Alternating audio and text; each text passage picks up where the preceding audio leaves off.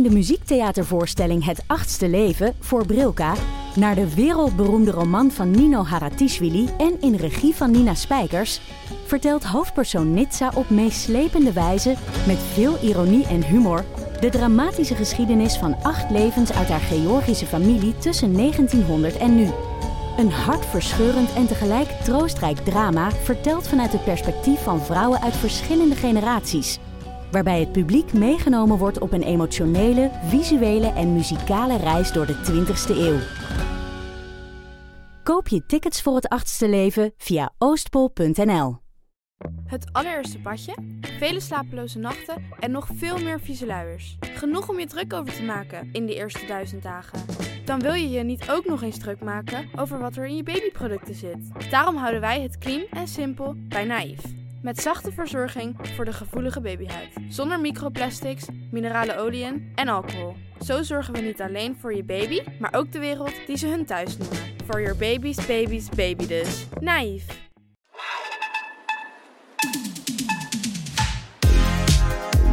Welkom bij Schaamteloos Randstedelijk. De podcast over alles dat je wel bent, maar niet wil zijn. Mijn naam is Doortje Smithuizen. Naast mij zit Perre van den Brink. En zoals iedere week houden wij onze luisteraar een spiegel voor... en onderzoeken we de paradoxale relaties met de systemen om ons heen.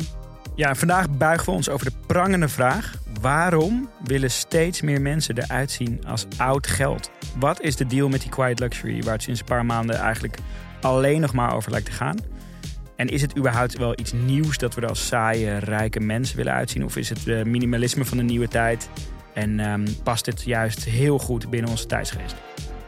Maar voordat we weer even lekker gaan ranten en lekker gaan duiden, eerst nog eventjes de actualiteiten.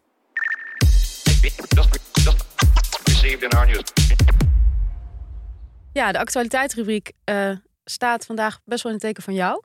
Ik moet zeggen, deze aflevering sowieso helemaal in mijn comfortzone. Het gaat over mode. Um, Eindelijk een keer. Ja, we, en die, die, die actualiteiten moesten toch dan ook een beetje in het teken van mode uh, staan. En om te beginnen heb ik iedereen's nieuwe favoriete Instagram-account ontdekt. Um, Nederlands elftal Fitpics heet het. En het, is, het concept is eigenlijk heel simpel. Een foto van een voetballer met een uh, recensie van diens outfit. En de tone of voice is echt magistraal. Ja. Uh, kun je wel stellen. Um, ja, en het, het, het, het, het is gewoon echt hilarisch. Het is heel grappig inderdaad. Het zijn combinaties van foto's van ja, voetballers in uitgesproken outfits. Mhm. Maar dan met inderdaad een review erbij. En dat is gewoon ja, is stilistisch vuurwerk. Ja, ja en ik had, ik had hem al eventjes op, op, op Instagram zelf gedeeld. En ik kreeg echt zoveel reacties van mensen. En ook allemaal reacties van mensen die zeiden van ja, deze persoon moet alles gaan recenseren. Ja, ik vind het wel, want jij hebt deze persoon echt ontdekt. Want hij heeft 218 volgers. Ja, nou, ik heb hem via, via iemand ontdekt. eh, Via eh, twee ehm, eh, ontwerpers. Ik, ben ook, ik weet ook niet wie het is. Nee, dat is heel leuk. Dat is heel mysterieus. Dus meld je sowieso in Zou het een voetballer zijn ook? Het zou, dat zou wel echt geniaal zijn. Ik vind het ook leuk dat, dat de persoon die dit doet een mix maakt tussen voetballers van nu en voetballers van Ja, een aantal decennia geleden. Ja. zoals Dirk Kuyt. Ja, of Pierre van Hooijdonk Ja. in de jaren negentig. Ja. Nou, die zou er nu gewoon weer zo bij kunnen lopen.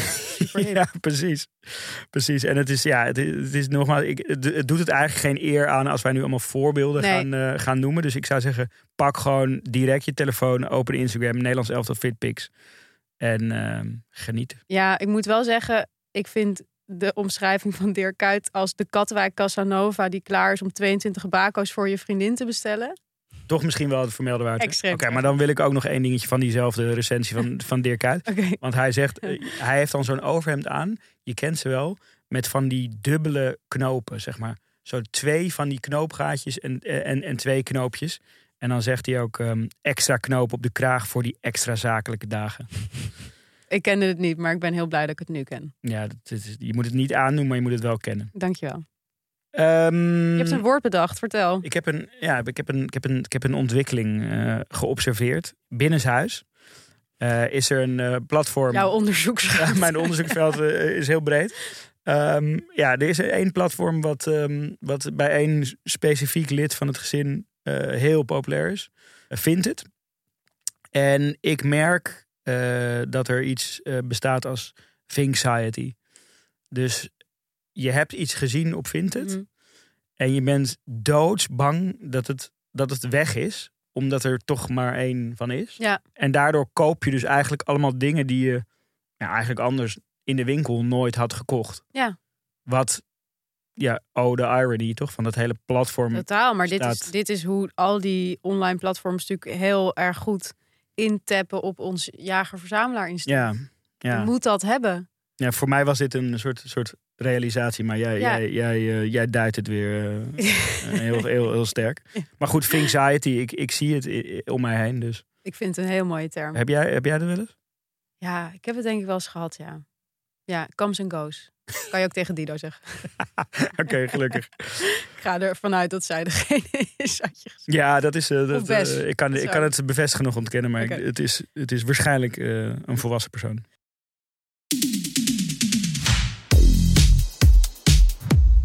Ja, lieve luisteraars, want Amsterdam is een nieuw muziekfestival rijker. En niet zomaar één, maar één waar ze de grenzen van de klassieke muziek onderzoeken.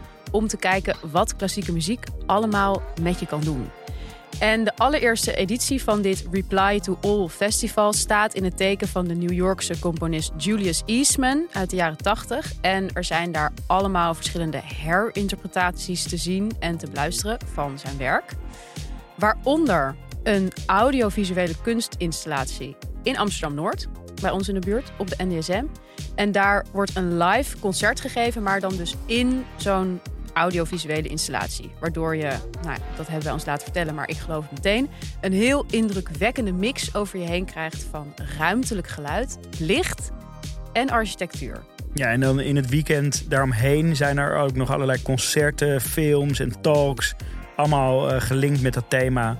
Eh, eh, die leuk zijn om te zien. Ja, het kan niet op gewoon bij Nee. dat Reply to All Festival. En het is nog tot met 14 mei te bezoeken. En wij zouden natuurlijk schaamteloos gaan stedelijk niet zijn... als we onze trouwe luisteraars geen korting konden aanbieden. Namelijk 5 euro met korting Randstedelijk 5. En daar kun je per direct gebruik van maken. En die korting loopt ook tot en met 14 mei 2023. Dus check replytoall-festival.com of de link in de show notes. En dan stedelijk 5 is met hoofdletter R. Dankjewel. Ja.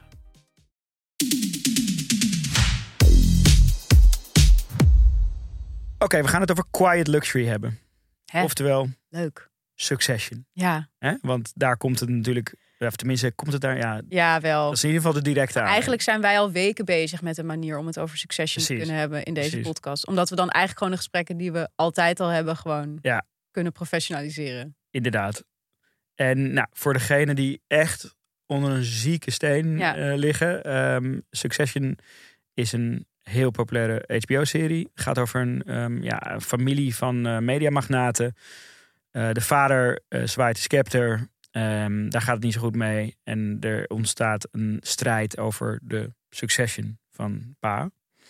En het gaat dus eigenlijk over die kinderen. Ja, het is, het, is, het is eigenlijk gewoon Shakespeare, maar dan in deze tijd. Ja. Dat is het eigenlijk. gewoon. Absoluut. Het is echt, ja, ik vind het geweldig. En, eigen- en wat, wat ik ook zo vet vind aan deze serie is dat het, ja, alle elementen zijn eigenlijk premium. Ja, Eh, dus zowel, ehm, nou, gewoon hoe het eruit ziet is natuurlijk gewoon fenomenaal. Maar vooral ook de dialogen en hoe het geschreven is, is, zo waanzinnig goed geschreven. extreem goed. Ja, Ehm, en dus ook de styling. Ja.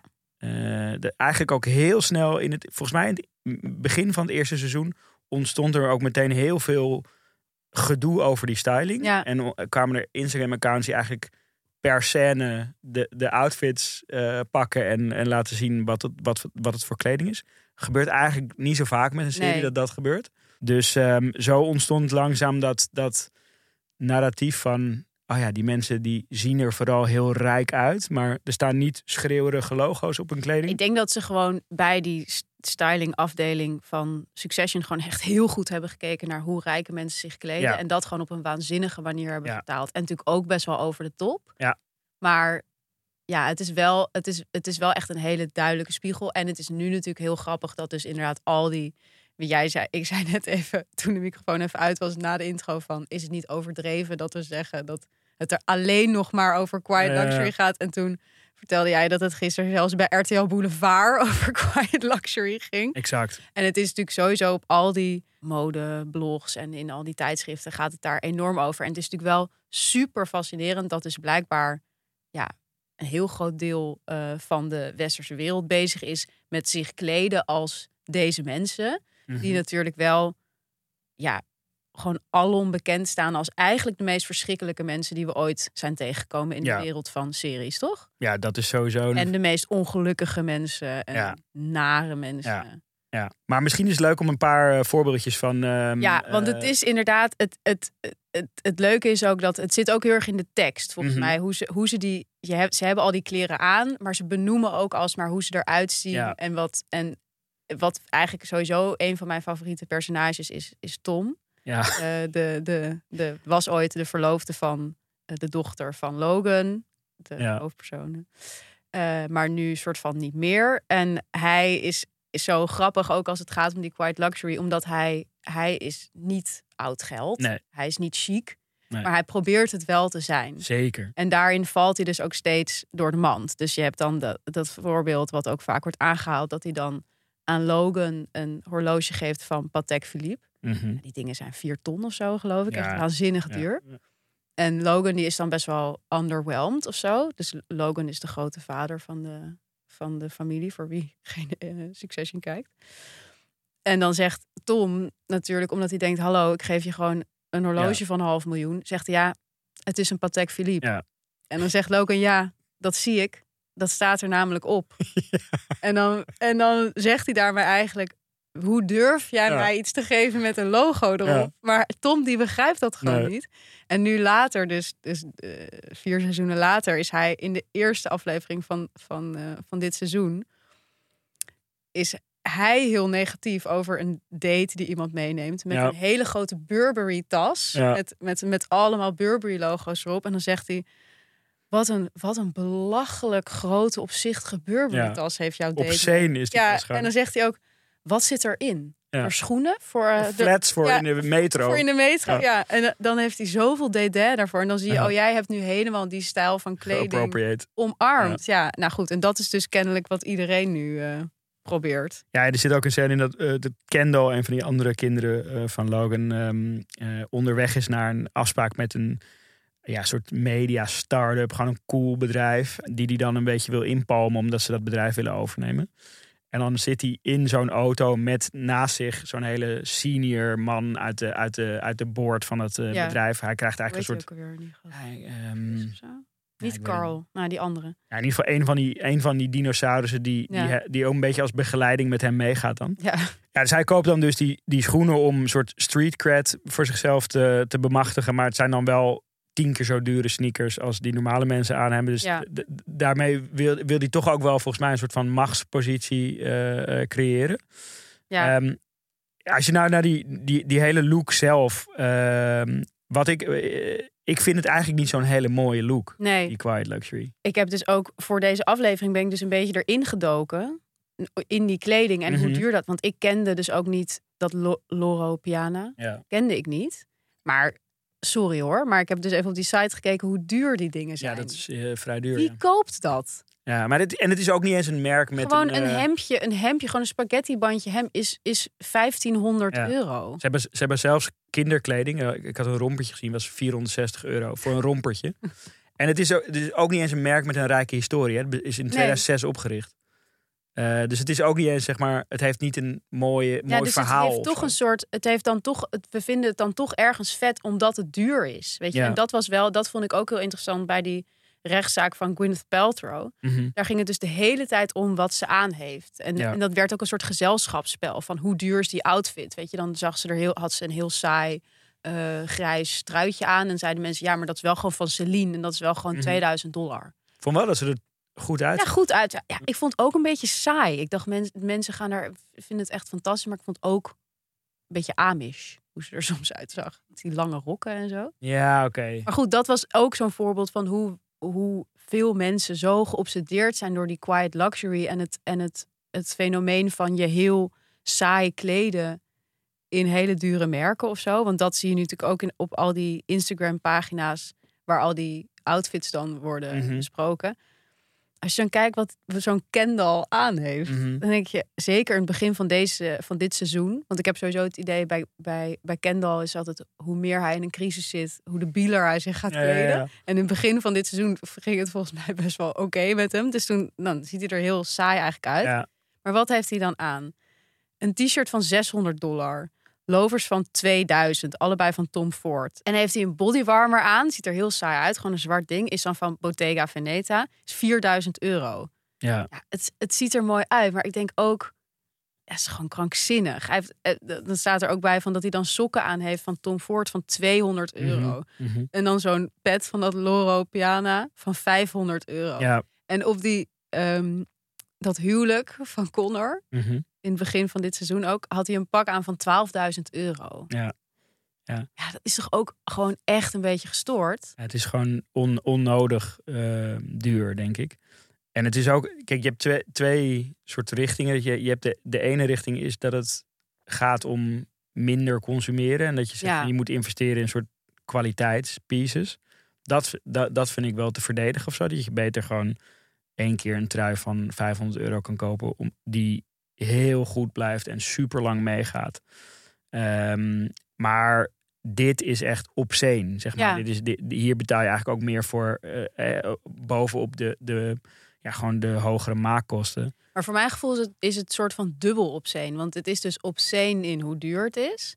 Maar ergens denk je, als je zoveel geld aan iets uitgeeft, dan is het bijna nog normaler om de behoefte te hebben om te laten zien dat iets heel duur is. Mhm. Maar dat je dat dus niet hebt, maakt het soort van Ja, extra obscene. ja, ja, ja. Wat ik extra, extra Ja. terug Ja, het is eigenlijk. echt schofterig ja, duur. Ja, ja. ja maar het, het, het, het, als je al die, als je op dat styling account kijkt, dan Mhm.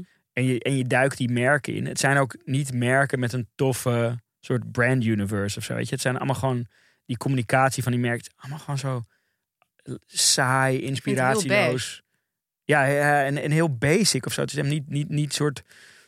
Er zit geen gedachte of zo achter. En je had op een gegeven moment wel eh, ook interessantere ontwerpers. Je had hier in Nederland bijvoorbeeld Koen Tossijn.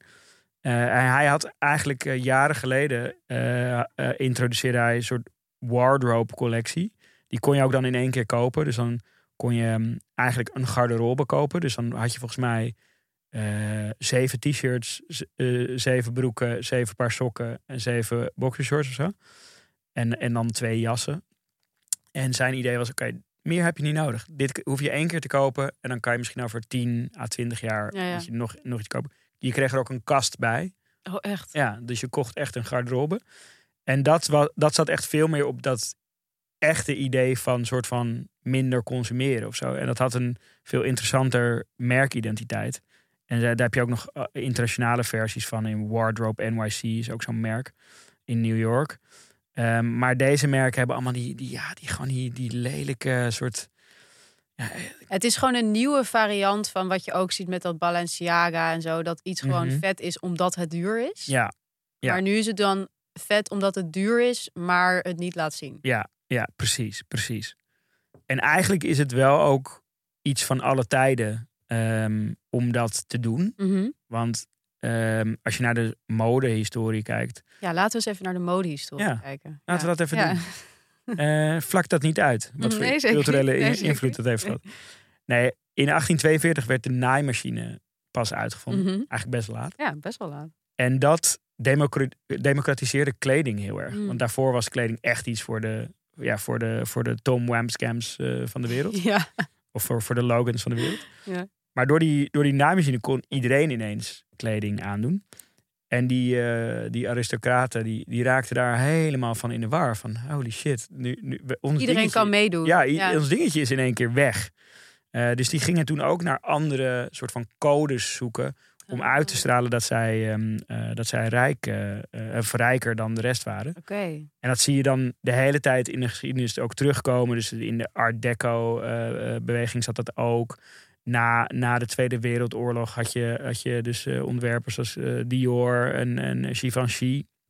ehm, die eigenlijk ook dat soort van understated luxe gevoel uitdroegen. Ook best wel ironisch dat juist deze twee, Ja. als je kijkt naar wat daarvan geworden Ja, is, dat zij daar, dat zij daar eigenlijk ehm, mee kwamen. En dan in de jaren negentig was er weer, eh, was er weer een opleving. Had je Margiela, die die hadden eigenlijk ook de ultieme quiet luxury branding. Weet je wel, die, die, Margiela heeft zo'n, de, de sticksels van je label, die zitten aan de buitenkant. En dat was eigenlijk Ah, ook zo van een manier van, ah ja, je ziet iemand in een heel basic trui lopen, maar je ziet dus aan die witte stiksel, vier van die kleine stikseltjes. Ja, ja, en het is ook zo heel erg if you know, you know. Precies. Ja. En dat is ook het credo van die hele Mm. quiet luxury ehm, eh, beweging. Sterker nog, in Lo- in, ik, ik zag een advertentie eh, van Laura Piana in, ehm, in een tijdschrift. En daar stond dat, eh, werd dat letterlijk ook als hele grote kopie eh, gebruikt. Van if you, if you know, you know. Eh, dus, dat is eh, toch bizar? Dan denk je, ja, wat know je dan? Dat dit heel duur is. Ja, dat je gewoon kenkenrijk bent. Dat je gewoon heel je- rijk bent. Ja, vet. Ja. En ehm, het zit ook natuurlijk in, in, in, in de row, weet je wel? Dat merk van, Mhm, eh, van de mhm. Olsen Twins. ja. Dus kortom, het is niet per se iets nieuws. eh, maar het is denk ik ook wel een, een, We komen natuurlijk uit een best wel schreeuwerige eh, decennium. Qua, qua, qua design en kleren, toch? Met eh, eigenlijk de invloed van de streetwear op high fashion. Was dat al die high-end merken mega zijn gaan branden. Ja, en dit is dan ook wel weer de logische, ehm, Anti-reactie. de logische antireactie. Ja. Nou goed, en dan blijft natuurlijk de vraag wel van waarom, waarom wordt dit nu een Mhm. trend? Behalve, Mhm. dat, ja, behalve dat we allemaal naar Succession kijken. Maar goed, we kijken wel vaker met z'n allen naar Ja. series. Toen Game of Thrones eh, hot was, liepen we er ook niet allemaal bij als ridders of zo. Eh, misschien sommige mensen wel, dat weet ik niet. Maar goed, daar heb ik, eh, heb ik in elk geval allemaal ideeën over. Maar voordat ik die allemaal ehm, ga delen, eerst even naar het tweede reclameblok.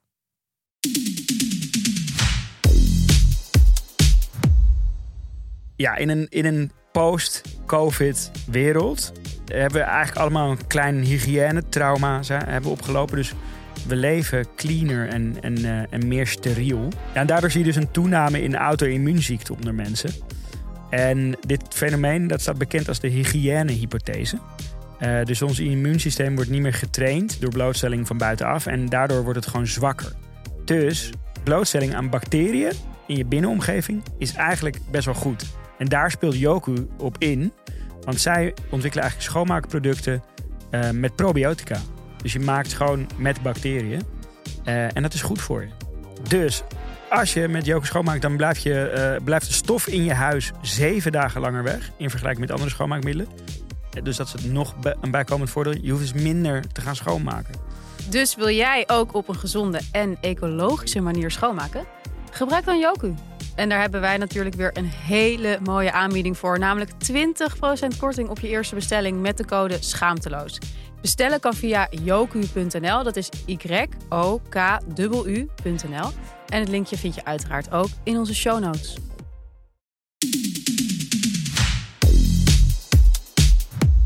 Ja, we hadden het er net al even, over van... Hè, eh, wat zegt het over de tijdsgeest dat deze trend nu is anders dan dat, het, dan dat we met z'n allen Succession kijken? Want Ja. het is wel een groter ding dan dat alleen, denk ik. Wat denk jij daarover? Nou ja, van alles. Leuk dat je het vraagt.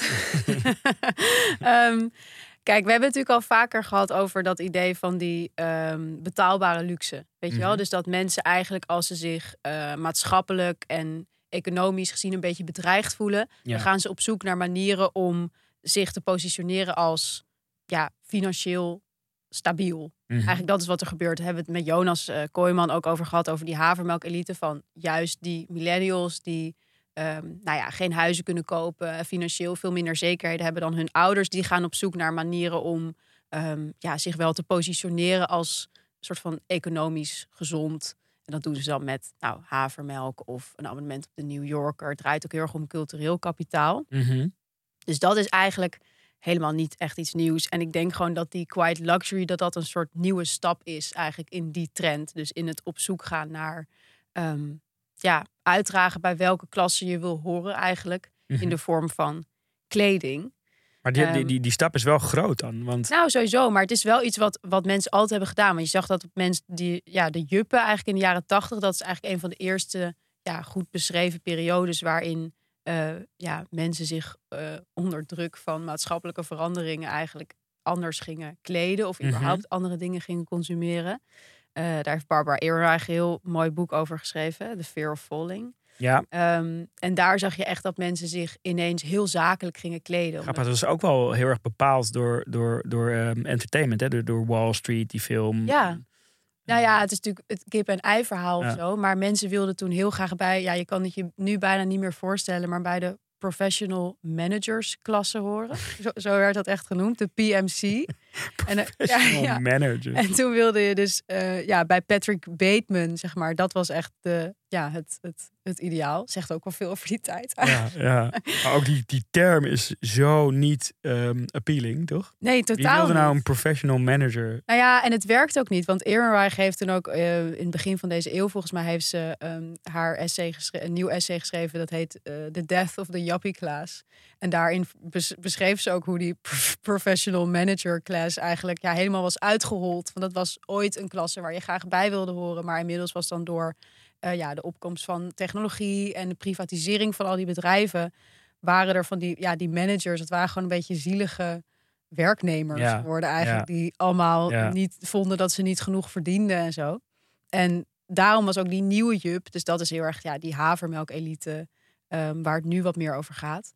Eh, die ging zich veel meer richten op cultureel kapitaal en sociaal kapitaal. Omdat dat dus ehm, ja, in idee beter bestand was tegen de tand des tijds eigenlijk. En ook wel volgens mij in professionele zin was het veel meer nastrevenswaardig om dan onafhankelijk te zijn, om Ja. ondernemend te zijn. Ja, Terwijl in die tijd het eigenlijk ging om van, dan moest je bij ja, gewoon de grote firma's. eh, Ja, gewoon McKinsey. Of ja. Dat was precies. toen echt vet. Dat was status. Ja, en nu is het natuurlijk ook meer status. Gaat natuurlijk ook veel meer over eh, ja, een soort van duurzaamheid. En dat je dan een soort van e- ergonomische, antroposofische kleren gaat dragen. Zoals Birkenstocks of Mhm. Salomons bijvoorbeeld. Ja. Dat was voor mij echt zo'n trend waarvan ik Ja. echt, eh, vijf jaar geleden dacht van... wat loopt iedereen op die Ja. lelijke schoenen zeg. En nu begrijp ik het. Vind ik ze nog steeds lelijk. Maar, er zit natuurlijk ook heel erg zo'n in-the-know kwaliteit in. En ik heb het idee dat we nu dus met dat quiet luxury... dat we eigenlijk weer een nieuwe fase ingaat. Waarbij we eigenlijk zeggen van oké, we hebben die poging gehad van die Jup in de jaren tachtig... om bij die managersklasse te horen. Ja. En dan een soort van financieel eh, voorspoedig leven te gaan leiden. Dan hebben we die havermelk-elite, die een soort van, ja, daar een soort tegenreactie op was, maar ook heel erg ging om je positioneren als elitair. Dus zeg Mhm. maar, het ging dan niet zozeer om hoe duur je tasje was, maar het was wel linnen en van de New Yorker of zo. Ja, ja. En nu komen we dan bij een trend, ja, die draait om gewoon bizar veel geld uitgeven aan kleding. En dus om het uitstralen van oud geld. En dat vind ik op een bepaalde manier, ik vind dat gewoon even opvallend als treurig of zo. het een heel rare ontwikkeling. Het past helemaal niet in die ontwikkeling. Jawel, ik vind het wel heel erg passen, omdat mensen dus constant bezig zijn met via hun consumptie en kleren soort van willen aantonen van dit is mijn klasse, hier Mhm. hoor ik bij. Nou, je ziet elke keer dat de klasse waar mensen bij willen horen, die valt dan toch weer tegen, want die blijft blijkt toch niet zo ehm, ja elitair en bestand tegen alle maatschappelijke ontwikkelingen als ze dachten. En eigenlijk de enige klasse die er nu dan nog over is, zijn gewoon de mensen die rijk geboren zijn. Zijn Ja. gewoon oud geld. Want je ziet natuurlijk dat we leven in een economisch klimaat waarin, ja, zeg maar, de ene na de andere recessie wordt aangekondigd, gaat wel of niet door, maar er is constant onzekerheid. Mensen kunnen heel snel rijk worden met, met zoiets als crypto, maar het net zo snel weer verliezen, blijkt nu. En Ja, dan is eigenlijk als het gaat om, zeg maar, ja, je, je willen positioneren als de elite, wat dus kennelijk mensen eh, toch vaak willen met hun consumptiegedrag en hun kleding, dan hou je eigenlijk ja, gewoon alleen maar de Royce over. Ja, dus, dus, dus feitelijk staat het voor stabiliteit in, Het staat in gewoon voor- onzekere tijden. Ja, het staat gewoon voor maatschappelijke zekerheid. Ja. En dat is denk ik wat heel veel mensen toch... dat, wat ik dus willen. raar aan vind, is dat het, dat het, dat het, ik, dat snap ik dan wel of zo. Maar, maar die, die havermelk-elite en affordable luxury komt ook wel deels voort uit een soort onvrede over de status quo. Toch? Van zorgen over het klimaat en eigenlijk je, je, je geld op een andere manier willen uitgeven. Gewoon verwachten van, van merken dat ze eh, een maatschappelijke rol aannemen. Terwijl die quiet luxury juist ja, komt maar, uit een wereld die, die eigenlijk al die problemen veroorzaakt heeft. ja, maar wat ik, eh, wa- ik denk dat je dan eigenlijk heel lief bent voor de havermelkelite.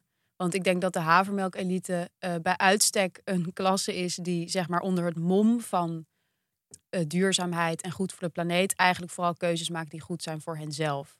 Want ik denk, ja, als jij echt om de planeet Jawel. geeft, dan geef je gewoon aan Extinction Rebellion en hou je er verder Ja. over op. Ja, ja, nee, maar ik bedoel, het gaat, het gaat. Ik ben niet per se lief voor ze, maar ze, die keuzes, dus ook bijvoorbeeld Salomon. Ja, eh, er kiezen. zit, er zit de pretentie in van goed voor de planeet. Het gaat over wat is aspirationeel. Ja, maar ik denk dus dat, men, dat, dat uit deze quiet luxury trend dus komt dat mensen gewoon toch uiteindelijk behoorlijk egocentrisch zijn als het gaat om hun consumpties. En nu dus bewust of onbewust navigeren naar het willen uitstralen van ook als de wereld vergaat, zit ik waarschijnlijk met Elon Musk op Mars. Want ik ben gewoon teringrijk.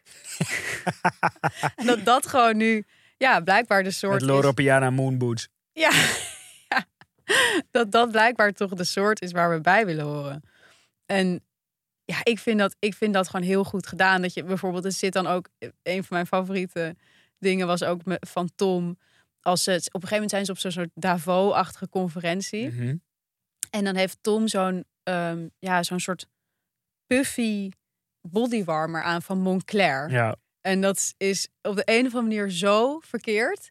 En dan is Roman, die, waarvan ik sowieso vind dat hij de allerbeste teksten heeft. mhm. Eh, die zegt dan daar iets heel goeds over. En ik corrigeer jou altijd dat jij nooit Engels mag praten in de podcast. Maar nu ga ik het toch voor één keer zelf doen. Want hij zegt dan... Nice vest, Wamskans. It's so puffy. What's it stuff with? Your hopes and dreams? ja. En dat is voor mij echt de samenvatting van die quiet luxury trend. Omdat mensen die eh, quiet luxury dragen, die, die hoeven niks meer te hopen of te dreamen. Want die hebben alles al geregeld voor zichzelf. En zo iemand als Tom, ja, die heeft nog zoveel te willen en te hopen en te bereiken. Mhm. En dat is denk ik wat mensen willen uitstralen met die qui- quiet luxury trend. Gewoon, ik ben er. Ja, dus even een eh, hele down-to-earth samenvatting. Mhm. Het is gewoon een trend voor proleten. het is een proletentrend vermomd als een understated kwaliteitstrend. Ja, en, eh, en volgens mij is ook een... Ja. het is eigenlijk gewoon de, rapper, de jonge rappers die dan voor het eerst wat geld verdienen en dan een Gucci pak kopen. Ja, Om maar te dan... laten zien, ik heb het gemaakt. Maar dan dus in cashmere en Tom Ford en zonder logo's. En, en in, ehm, in een van die artikelen, want voor mijn gevoel is dit echt een heel erg een millennial trend. En Ja. ik vind het ook, eh, ik vraag me af of dit bij Gen Z, hoe, hoe dit Maar resoneert. het, het makes sense, want ik denk ook dat millennials veruit, eh, zeg maar, sociaal-economisch gezien de meest teleurgestelde generatie zijn. Wij zijn echt de generatie die zijn opgevoed door babyboomers die allemaal vet goedkoop huizen konden kopen en zeg maar alleen maar sociaal aan het stijgen waren en tegen ons zeiden van jullie gaan dat ook allemaal doen, maar dan nog meer. En toen kwamen we uiteindelijk in de samenleving, weet je wel, één economische crisis later en was gewoon echt niet meer zo tof. Maar, maar misschien is dat dan waarom ik eerder zei van. Ehm, waarom, het, wa- waarom ik het zo opvallend vind. Want dat diezelfde mensen dan dus toch er willen uitzien als die generatie die, het, die de Die kansen verpest heeft. Ja, Oh, maar dat vind ik, dat vind ik helemaal niet raar. Nee, dat, dat, oh, ja, verbaast dat jou? ja. Maar ja, daar, daar hebben we toch genoeg films over gezien. Ik bedoel, als het, als het schip zinkt, dan springt iedereen toch in de reddingsboot voor zichzelf. Ja, oké. Ik dus- denk dat mensen gewoon onbewust navigeren naar manieren om zichzelf het gevoel te geven van, ook al is de wereld kloten, ik heb er tenminste nog macht over. Dat Ja. is natuurlijk niet zo. Maar blijkbaar hebben mensen in zo'n Loro Piana Fest toch het gevoel dat ze nog iets meer in de melk te brokkelen Ja, hebben. het is, voor het is niet denk- alleen voor proleten, maar voor bange Ik proleten. denk, ja, ik denk oprecht dat mensen zich zekerder voelen over hun toekomst als ze het gevoel hebben dat ze dezelfde kleding aan hebben als Logan Roy Ja, inmiddels. Ja ik, je hebt me overtuigd. Ik geloof het. Ik geloof Maar het ook gewoon voor lek of een beter narratief. Ja. Dit Ja. is wat er overblijft. Ja, wa- eh, ja, want dus het ergste is dat, dat Shine, het, Ja, dat is sowieso het ergste. dat is sowieso iets verschrikkelijks. Een, een, een fast fashion platform waarvan je dacht, kan het nog erger? Ja, het kan nog Ja, erger. ooit had je dan de Zara die zeg maar elke week een nieuwe collectie had. Maar bij Shine hebben ze voor mijn gevoel gewoon elk uur een ja, en dat is dus eigenlijk niet mode, maar textiel. En zij werken, dit is gewoon 100% data-led. Mhm. En wat introduceert Shine onlangs? Een sexy quiet luxury. Oh, echt? dan items van 9,95 die Ja. dan onder de noemer quiet luxury verkocht worden. Ja, maar dit is perfect. Dit is de perfecte illustratie bij wat quiet luxury is. En ook, Ja. we moeten, het is gewoon een manier om je posi- te positioneren als iets wat je niet bent, omdat je bang bent om buiten de boot te vallen. Ja. Ja, ja. En in die, in die ehm, context had, Ja. had ik nog eh, laatst een, een interessante gevonden. Eigenlijk ook een soort anti-reactie slash misschien ook wel precies hetzelfde als Quiet Ja, ja. Luxury. Poverty play. Po- poverty play? Ja, dus dat is een beetje een soort, soort subcultuurtje in, in ehm, eh, steden als Berlijn. Waarbij nepo-babies of mensen die daar gewoon met geld zitten... Ja. Eigenlijk bewust doen alsof ze geen geld hebben. Dus eigenlijk gewoon het tegenovergestelde van Quiet Luxury. Dus in plaats van Loro Piana eh, pakken zij gewoon kapot ge- getrapte eh, sneakers. En doen ze dus eigenlijk moeite om eruit te zien als mensen die geen geld hebben. Om dus ook weer mee te kunnen in die, in die ja, nastrevenswaardige klasse waar zij dan willen bij aanhaken. Maar wat is dan die... Dat is toch ook weer heel bizar? Ja, het is eigenlijk gewoon precies hetzelfde, toch? Echt net zo vervelend, vind ik het. ja, echt. Het is misschien nog wel, nog wel goorder. Ja, oké. On that note, Ja, concluderend. quiet luxury is een proletentrend Ja, voor bange mensen. Ja, die, eh, die, ja die, die een uitvlucht zoeken uit deze tijd. Ja, Dus ze, zijn, het, ze lijken eigenlijk best op ons. ze zijn allemaal ook jonge Al conclusie, mensen wij zijn proleten. op zoek naar houvast Ja, in ja, de stad of daarbuiten. ja. Ik vraag me trouwens nog wel af of als mensen dus zo makkelijk trends overnemen uit Succession, of het ook nu een trend wordt dat je eh, als je iemand leuk vindt, dan een halve liter bloed naar diegene stuurt. Ik denk, ik support deze trend. ja, ik eh, moet ook zeggen, ik vind het een aantrekkelijke trend. ja. Ik vind het een leuk idee. En in ijs, wat voor vorm zou je dan kiezen? Een ijsblokjesachtige vorm? Hartje. Of hartje, ah ja. Ja, ja, uiteraard. Vind ik heel leuk. Goed gevonden. Leuk, tot volgende week. Tot volgende week.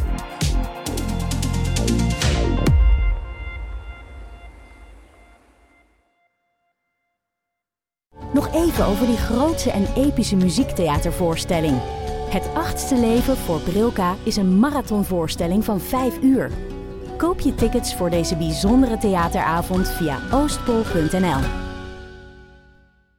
Luister nu naar de Mondkapjesmiljonairs. Een serie over de grootste mondkapjesschandalen van Europa. Want wist je dat Siewert helemaal niet uniek is? De Mondkapjesmiljonairs, exclusief op Podimo. Ga naar podimo.nl slash mondkapjes.